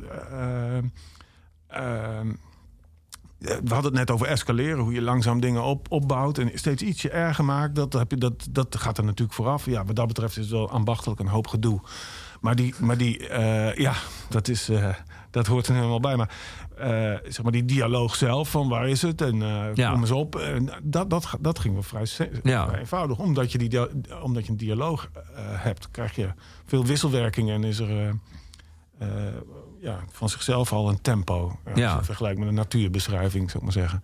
En ik moet ook denken, dat zie je heel vaak bijvoorbeeld in, in, in, in politie-series of politiefilms, eh, bij verhoorscènes, dat eh daar zit ook gewoon heel, iets heel dreigends in eh, herhaling. Die spierbeker herhaalt heel vaak. zich- Die blijft Ja. gewoon hetzelfde zeggen. Dat Ja. heeft ook al meteen iets heel intimiderends. Iemand gewoon de hele tijd, ik heb het net ook al gevraagd, dat je gewoon nog een keer dezelfde, bijna letterlijk hetzelfde zegt of hetzelfde Ja. vraagt. Nou, dat is heel dreigend, omdat je daarmee. het maakt dus niet uit wat je doet. Eh, wat je zegt, terugzegt, of eh, wat je doet, of wat je aanbiedt of zo. Hij, eh, de- de- is, het is onwrikbaar. Je kunt niks meer doen daardoor. In wezen, ja, ik moet aan Poetin opeens denken. We vredesonderhandelingen met Poetin. Ja, hij wil Oekraïne vernietigen. En hoe moet je dan ook. en ja, hij gebruik- zal die vredesbesprekingen eerder gebruiken om zijn doel sneller te bereiken dan om daadwerkelijk. Hij hoeft niks van jou. Nee, Hij helemaal niks. nee. En dat vind ik, dat is angstaanjagend. Als mensen echt helemaal niks van je willen. Als ze gewoon, nou, hun verhaal staat vast. En wat jij. eh, kun, je, kun je met bewijzen komen. Je kunt hoog en laag springen. Je kan. eh, je- ja, dat is bedreigend. Ja.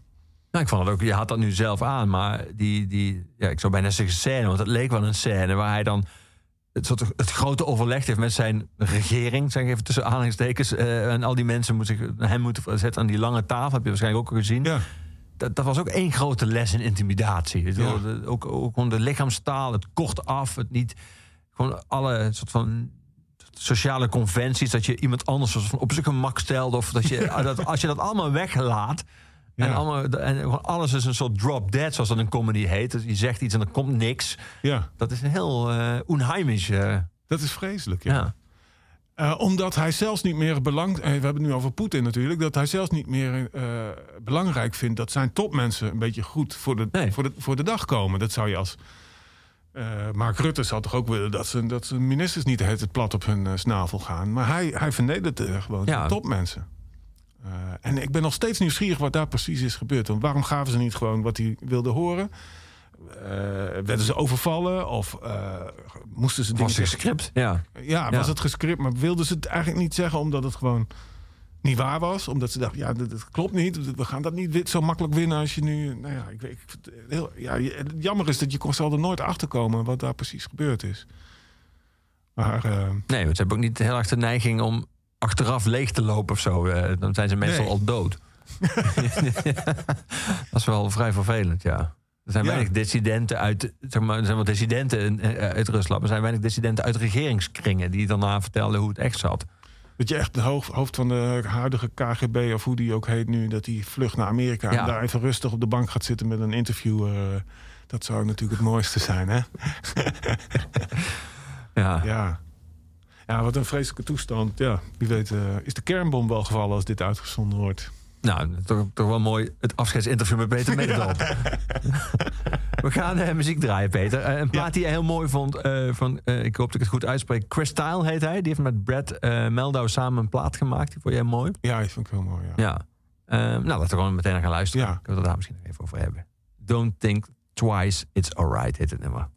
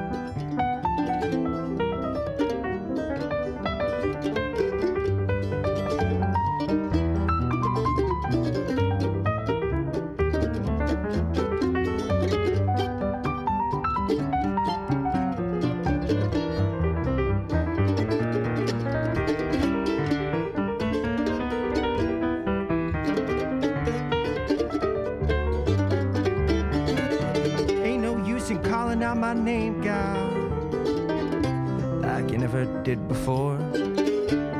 Ain't no use in calling out my name, gal. I can't hear you anymore. Still, I'm wishing there was something you could do or say that would make me change my mind and stay. But we never really did that much talking anyway. Don't think twice, it's alright.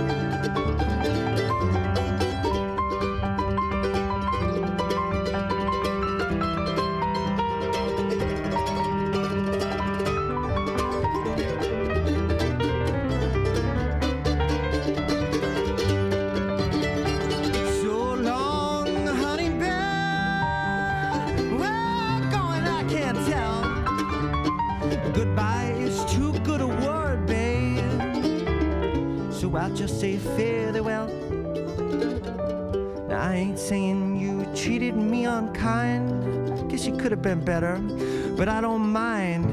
You just kind of wasted my precious time. But don't think twice, it's alright. I ain't saying you cheated me unkind. You could have been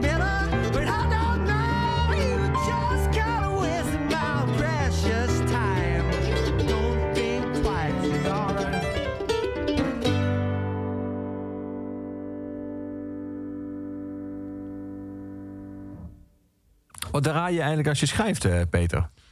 Nou, de laatste tijd eh, doe ik het vooral met stilte. Omdat ik het. eh, eigenlijk vind ik het lastig om naar muziek te luisteren tijdens het schrijven. Omdat je dan aan het luisteren bent. Ik kan die twee dingen lastig tegelijk. Dus als ik wat luister, dan is het meest, was het ja, gewoon easy listening. Maar waar we net naar luisteren. en dan vaak het de hele, hele dag hetzelfde nummer. En dan dient het eigenlijk vooral om. Nummers sla je eigenlijk dood dan letterlijk. Je maakt er gewoon behang van. Ja, maar dan zit er eh, bij John Mayer of zo had ik een paar nummers die ik heel vaak draaide, dag, dagenlang. En dan zit er een bepaald ritme in dat, dat, dat op een of andere manier mij eh, een beetje vrolijkheid geeft of zo. Maar dan luister ik er verder niet naar. Want als ik er dan bij wijze van spreken s'avonds naar zou luisteren, vind ik het niet eens mooi. Maar deze die we net... Of gaat meteen schrijven dan. Een soort Pavlov-reactie. Ja.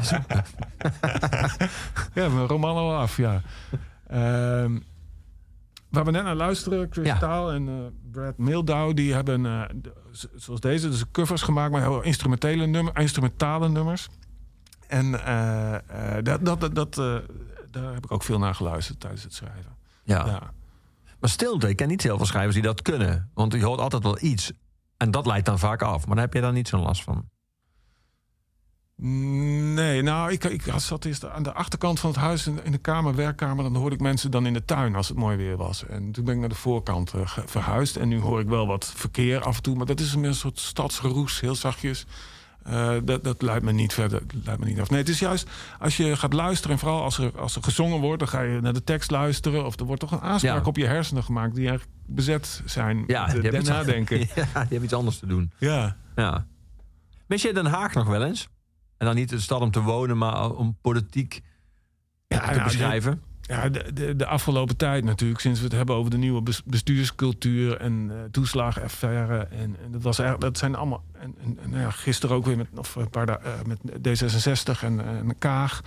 Ehm, Hugo de Jonge.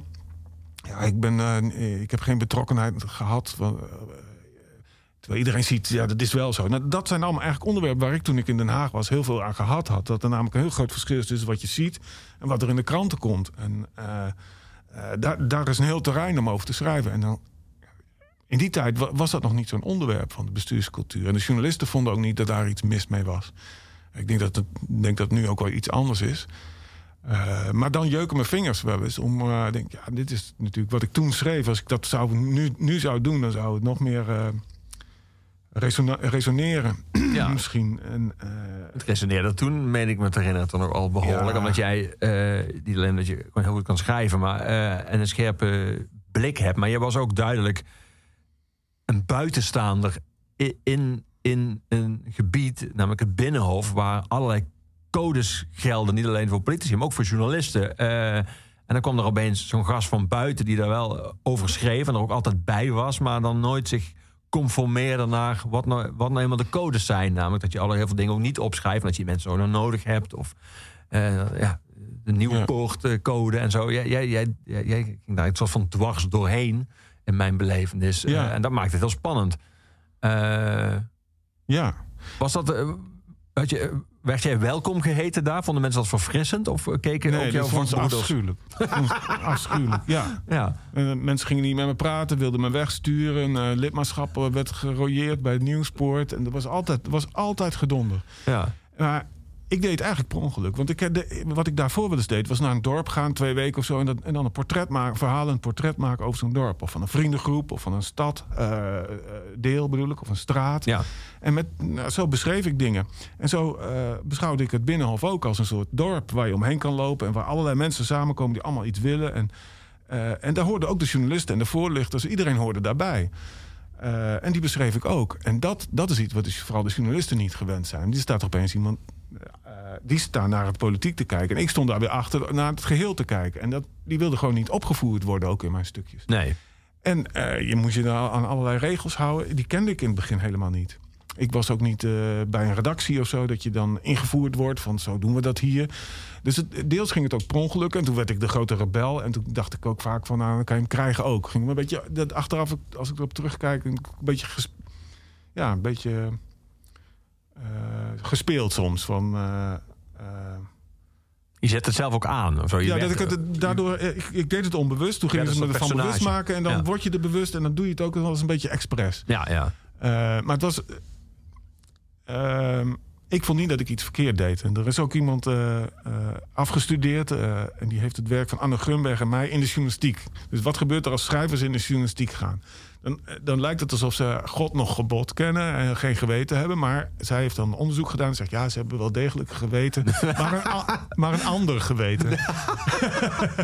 Dus al, En, een eh, hele eer lijkt me als iemand soort van op jou is afgestudeerd. Maar als de conclusie ook nog is dat je een geweten hebt, is het ook al helemaal. Ja, het is nu wetenschappelijk bewezen dat ik een geweten heb.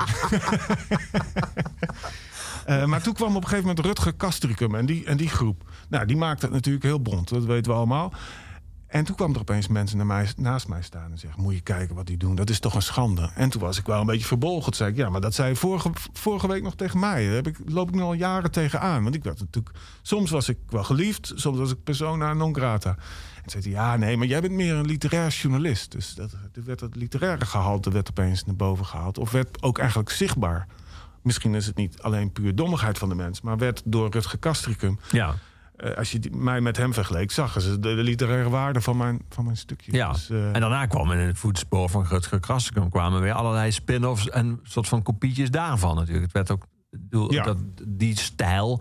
En we kreeg je natuurlijk ook eh, zeg maar blogs als geen stijl kregen een camera. En nu, nu is het natuurlijk dat nu, en allerlei talkshows dachten, oh, we moeten ook zo'n lollig rubriekje doen met een soort Ja. jolige, scherpe verslaggever die. Eh, nu, nu is volgens mij bijna een derde van die microfoons op die op de mensen worden geweest, is een soort van iets lolligs of iets zo. leuks. Ja, Ja. dat is eigenlijk wel, eh, wel stom. Want scherp is het eigenlijk nooit. Nee. Het, is, eh, het is ook niet echt heel grappig, maar sommige mensen vinden het dan wel misschien leuk. Maar het is toch al vriendjes maken. Je moet toch. Ja, het- het- ze doen eigenlijk nog erger dan wat ze zouden moeten bek- bekritiseren. Namelijk, het, het, het is een soort slijm en armen om elkaar heen slaan. En... Nee, ik ben er niet zo'n liefhebber van. Nee. Nee. En je merkt dat als mensen een soort van meer vierkant zijn en dan niet, zich daar niet aan mee willen doen, een soort van dat jolige, quasi-rebelse. eh, dan gaat het eigenlijk pas echt mis. Dan gaat het echt schuren. Eh, ik nu denk aan eh, Elle Vogelaar bijvoorbeeld, die dan gewoon doorloopt. Ja. Dat is dan, dat, dan gebeurt er eigenlijk alleen dan gebeurt er echt iets. Want dan, dan zie je dus wat de code. De code is dat je dus gewoon een soort van mee moet doen. Ja, je moet meedoen. Je moet Ja. jolig meedoen. Dat is voor, voor politici natuurlijk ook verschrikkelijk. En voor Ella Vogelaar, die, kon, die, kon, die was daar niet toe in staat als persoon. Nee. Ik denk dat ik het ook heel lastig vind. Ja, Rutger Kastriem is ook wel eens een keer op mij afgekomen met zijn cameraploeg. En ik herinner me dat ik stil bleef staan en alleen maar nee schudde. Nee, nee, nee, nee, nee, nee. Ik wil niet, ik wil niet, ik wil niet. Ja, je gaat eraan of zo. Ik vind het eng. En dan, Ja. als mensen op, het is intimiderend als mensen op je afkomen met een draaiende camera. Daar, daar maken ze ook wel misbruik van. Zeker. Ja. Ja, Ella Vogelaar, ik zie haar nog weglopen, ja. Zie- Honderden keer herhaald. Ja, Tot zo overleed en daarna nooit meer. Want toen was er ook Nee. mensen. werd dat natuurlijk als ongepast gezien met terugwerkende kracht. ja. Wat een beeld was dat, hè? Ja. Toen kwam daarna nog iemand die, die ongeveer ook als buitenstaander naar Den Haag keek en daarover ging schrijven. En zich heel erg etaleerde als buitenstaander. En op zijn manier, volgens mij een week of zes deed en meteen een boek over schreef. Joris Luijendijk. eh, die ook eh, nog even jou interviewde daarvoor. Heb je laatst in een column heb je toen eenmaal duidelijk werd dat Joris Luijendijk, laten we zeggen, niet alles zelf verzint. Eh, heb jij die anekdote eh, vrij smakelijk en ook vrij vilijn opgediend. Het moment dat Joris Luijendijk eh, jou ook allerlei vragen kon stellen... en geïnteresseerd was hoe jij dat beleefd hebt... dat hele leven als buitenstaander... en een soort literair journalist in Den Haag... en vervolgens tot jouw eigen verbijstering... kom je dat ongeveer letterlijk in, eh, in zijn boek daarna tegen. Heeft hij daar nog op gereageerd? Nee, Nou, nee. Ja, eh, ja, dat was, eh, ja, dat vond ik echt heel stom van mezelf. Hij kwam eigenlijk in een paar weken doen wat ik daar een jaren deed. Ja. Namelijk kijken hoe het daar gaat en, en, en heel veel tijd erin steken en observeren. En hoe zijn de patronen en, en wat gebeurt er nou eigenlijk? En ik heb dat allemaal aan hem verteld. En hij heeft een paar mensen gesproken. Dat heeft hij in een boek opgeschreven. Ja, en dan, stond er niet... eh, dit, eh, ik kwam Peter tegen en hij, heeft me hierop gewezen. En toen ben ik daar naartoe gegaan. Maar het stond een beetje van... eh, dit is de eerste ontdekking van, mijn, van mij. En dit is de tweede ontdekking. Ja, en toen dacht ik... jongen, wat heb ik me weer eens kaas van het brood laten eten. Het is echt niet te geloven. Want het is niet echt fout wat hij doet. Of tenminste, het is niet een... het mag wel. Hè, ik bedoel, als je, ja, juridisch wel. Ja, precies. Juridisch mag het. Beroepsethisch gezien is het toch iets anders. Ja, ik voel me wel Maar dat ligt, dat aan je ethiek natuurlijk. Ik vond het heel dom. Ik dacht, eh, dat laat ik me niet nog een keer gebeuren. Dat ik me allemaal, ah, heb ik jarenlang over allerlei inzichten gedaan. En dat geef ik allemaal zo cadeau. Ga ik allemaal zo weg. Ja, zwak van mij. Ja. Ik was vooral verbaasd dat jij dat dan jarenlang eh, voor je kan houden. En dan, en dan op een dag denk je, ja, nu ga ik het ook gewoon opschrijven ook. Ik loop hier al jaren mee rond. Ja. Ja, zo. Ik was het eigenlijk natuurlijk al lang weer vergeten. Maar of, ja, nee, nooit meer, eh, niet, niet meer aan teruggedacht. Op het moment zelf had ik natuurlijk een, een dagelijkse column. Kon, kon ik een week lang over hem schrijven. Ik had me allemaal ongenoeg over hem kwijt. Maar ik schaamde me een beetje ook. Ik voel me een beetje dommig. En in die column bracht ik het ook een beetje in verband met mijn afkomst in, in Ja. het noorden. En in de periferie, periferie voelen we ons wel eens wat minder snel, eh, gewiekst, handig eh, dan in het westen. En daar bracht ik het toen mee in verband. Ja. Ik moest er weer aan denken, omdat er natuurlijk mensen waren die hem beschuldigden van eh, die dingen die je opschrijft in je nieuwe boek. Die, heb je, hebt het niet aan bronvermelding gedaan. Die zijn niet van jou. Hè? Ja. Die titel schijnt ook van iemand anders te komen. Wordt ook niet aangerefereerd. En zo kwam ik op dat idee. Maar die column ontplofte eigenlijk eh, op, op Twitter, op de sociale media. En heel veel mensen die, eh, die reageerden erop. Dus toen kreeg ik ook meteen weer spijt. Nou, het past heel erg bij mijn boek. Hè? Een dader die slachtoffer Ja. is. En, dus ik was eerst slachtoffer, schrijf die column. Nou, ben ik weer dader. Shit, dat is een verkeerde rol. Dus eh, Ja. ja. Als je nu zou doen wat je toen deed in Den Haag, zou dat nu anders zijn ook omdat er nu zoiets bestaat als social media? Want je hebt nu bijvoorbeeld best een column over Joris Luijendijk. Met merk je meteen, er wordt dan opgepikt. Eh, er wordt dan, eh, dat leidt tot, eh, tot kliks. En dat leidt tot. Je hebt natuurlijk ook allerlei sites die zijn ge- ge- gebouwd op een soort van afzeiken. Dus die is wel handig als dan iemand negatief over een ander schrijft, kunnen ze daar weer uit. Dat was toen natuurlijk allemaal niet. Dus eh, zou nu jouw werk anders zijn omdat er eh, gewoon zoiets bestaat als Twitter? Of zou dat niet heel veel uitmaken? Nou, ik ben op Twitter gegaan toen ik die dagelijkse column schreef voor Dagblad de Pers. Dat was een gratis blad, dus die Ja. was ook gewoon vrij op internet. Die kon je dus ook eh, eh, elke dag tweeten. Gratis, maar niet goedkoop was de leus. En zo Ja. het boek daarna ook. Ja. Over de pers. Ja. Ja, het is een hele mooie krant. Heel mooi. Echt een bijzondere sfeer. Een beetje libertaire, li- liberale. ja, mensen die, ja, ook nadachten over journalistiek. En Wat in, in, het, in het Binnenhof heel weinig gebeurt. Van ja, we doen aan horen en wederhoor, dus zitten we toch goed. Ja, ook al is die ene een idioot en de ander eh, vertegenwoordigt de totale wetenschap. Ja, en, de fake balance. wij Ja. dachten van, nou, als de een zegt het regent en de ander zegt het is droog... dan moet de journalist naar buiten gaan om te kijken en vast te stellen... regent het of is het droog? En dat, dat, dat doen ze in Den Haag niet. Eh, ik weet niet hoe het nu... Misschien dat het nu wel meer nog zou... eh, tot leven zou komen. Ja, ik, ik was voor mijn gevoel niet mensen aan het afzeiken... maar aan het beschrijven. Wel met, met, met, met humor en... Zeker. Het waren ook allemaal beroemde mensen. Hè? Dus, eh, die sterker staan dan ik. Dus dan mocht je ook een beetje kritisch zijn. Ja. Ehm, ja, ik, ik weet het niet. Ik zou, ja, eigenlijk om op je vorige vraag dan nog een antwoord te geven. Ik zou er niet meer, eh, ik zou het niet meer kunnen opbrengen om daar elke dag, de hele dag rond te eh, lopen. Ik vind het eigenlijk geen mooie, niemand, ja, ik vind het geen mooie wereld.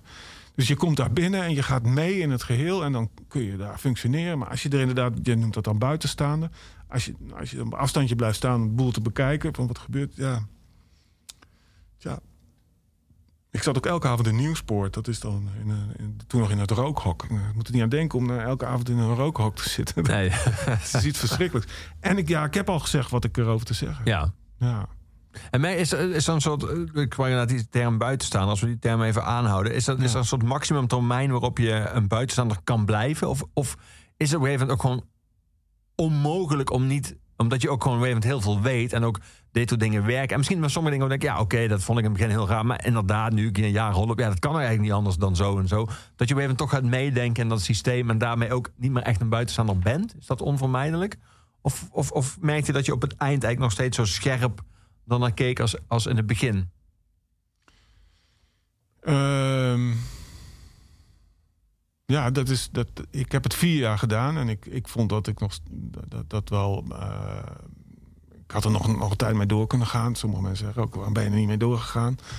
Ehm, ja, waarschijnlijk zul je gaandeweg... Nou, van de andere kant, nee, nee. Als ik nu naar de politiek kijk, zie- dan erg ik me nog steeds aan dezelfde dingen. Eigenlijk. Hè? Dus dat, dat iemand zegt van, ja, ik heb wel betrokkenheid... maar ook geen betrokkenheid. Dan zeg ik, ja, dat gelooft gewoon niemand. Dat ga je nu misschien eventjes deze, dit debat mee redden. Maar jij bent minder belangrijk dan de zuiverheid van het debat... of van, het, van de democratie. Dus als, als, als jij door je eigen je positie te redden... beschadig je de democratie. En, en, en, en die, eh, dus die mensen die, die zichzelf minder belangrijk vinden dan het functioneren van de democratie, die zijn dun gezaaid.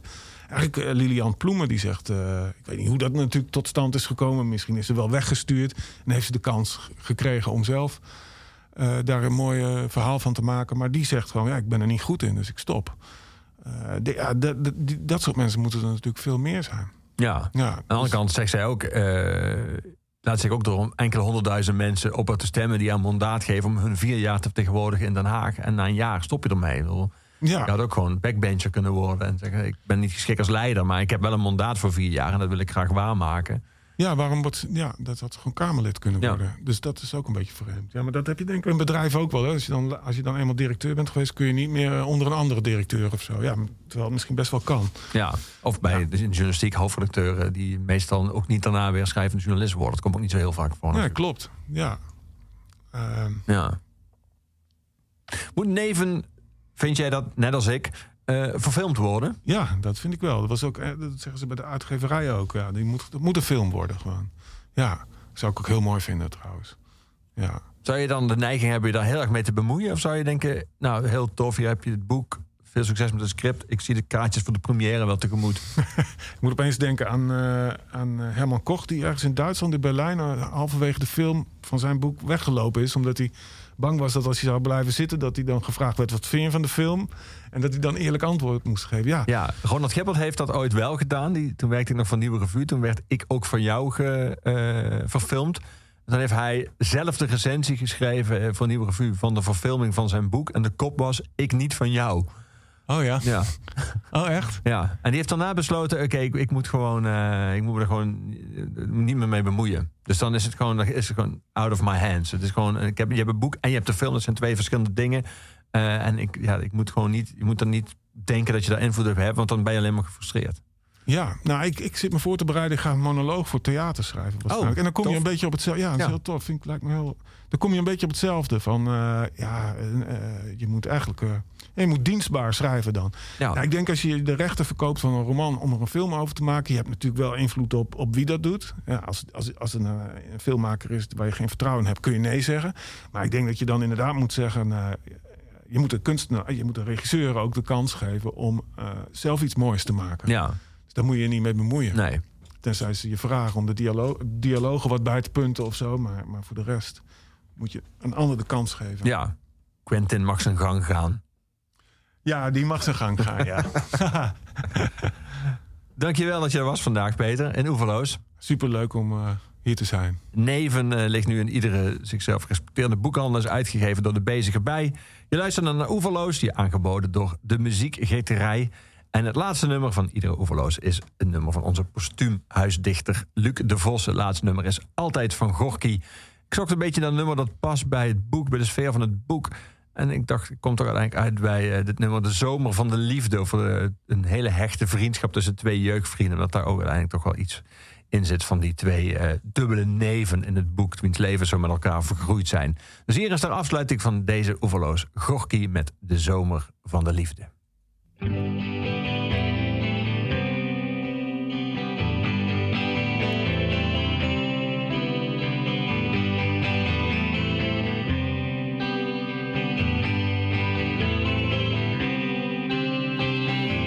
Ben blij dat je hier bent, na die lange tijd. We kunnen eens praten over al wat ons spijt. De Dukes waren vrienden van jou en de Hulk was je held. Ik was al te oud toen om met jou mee te doen. Maar als de zomer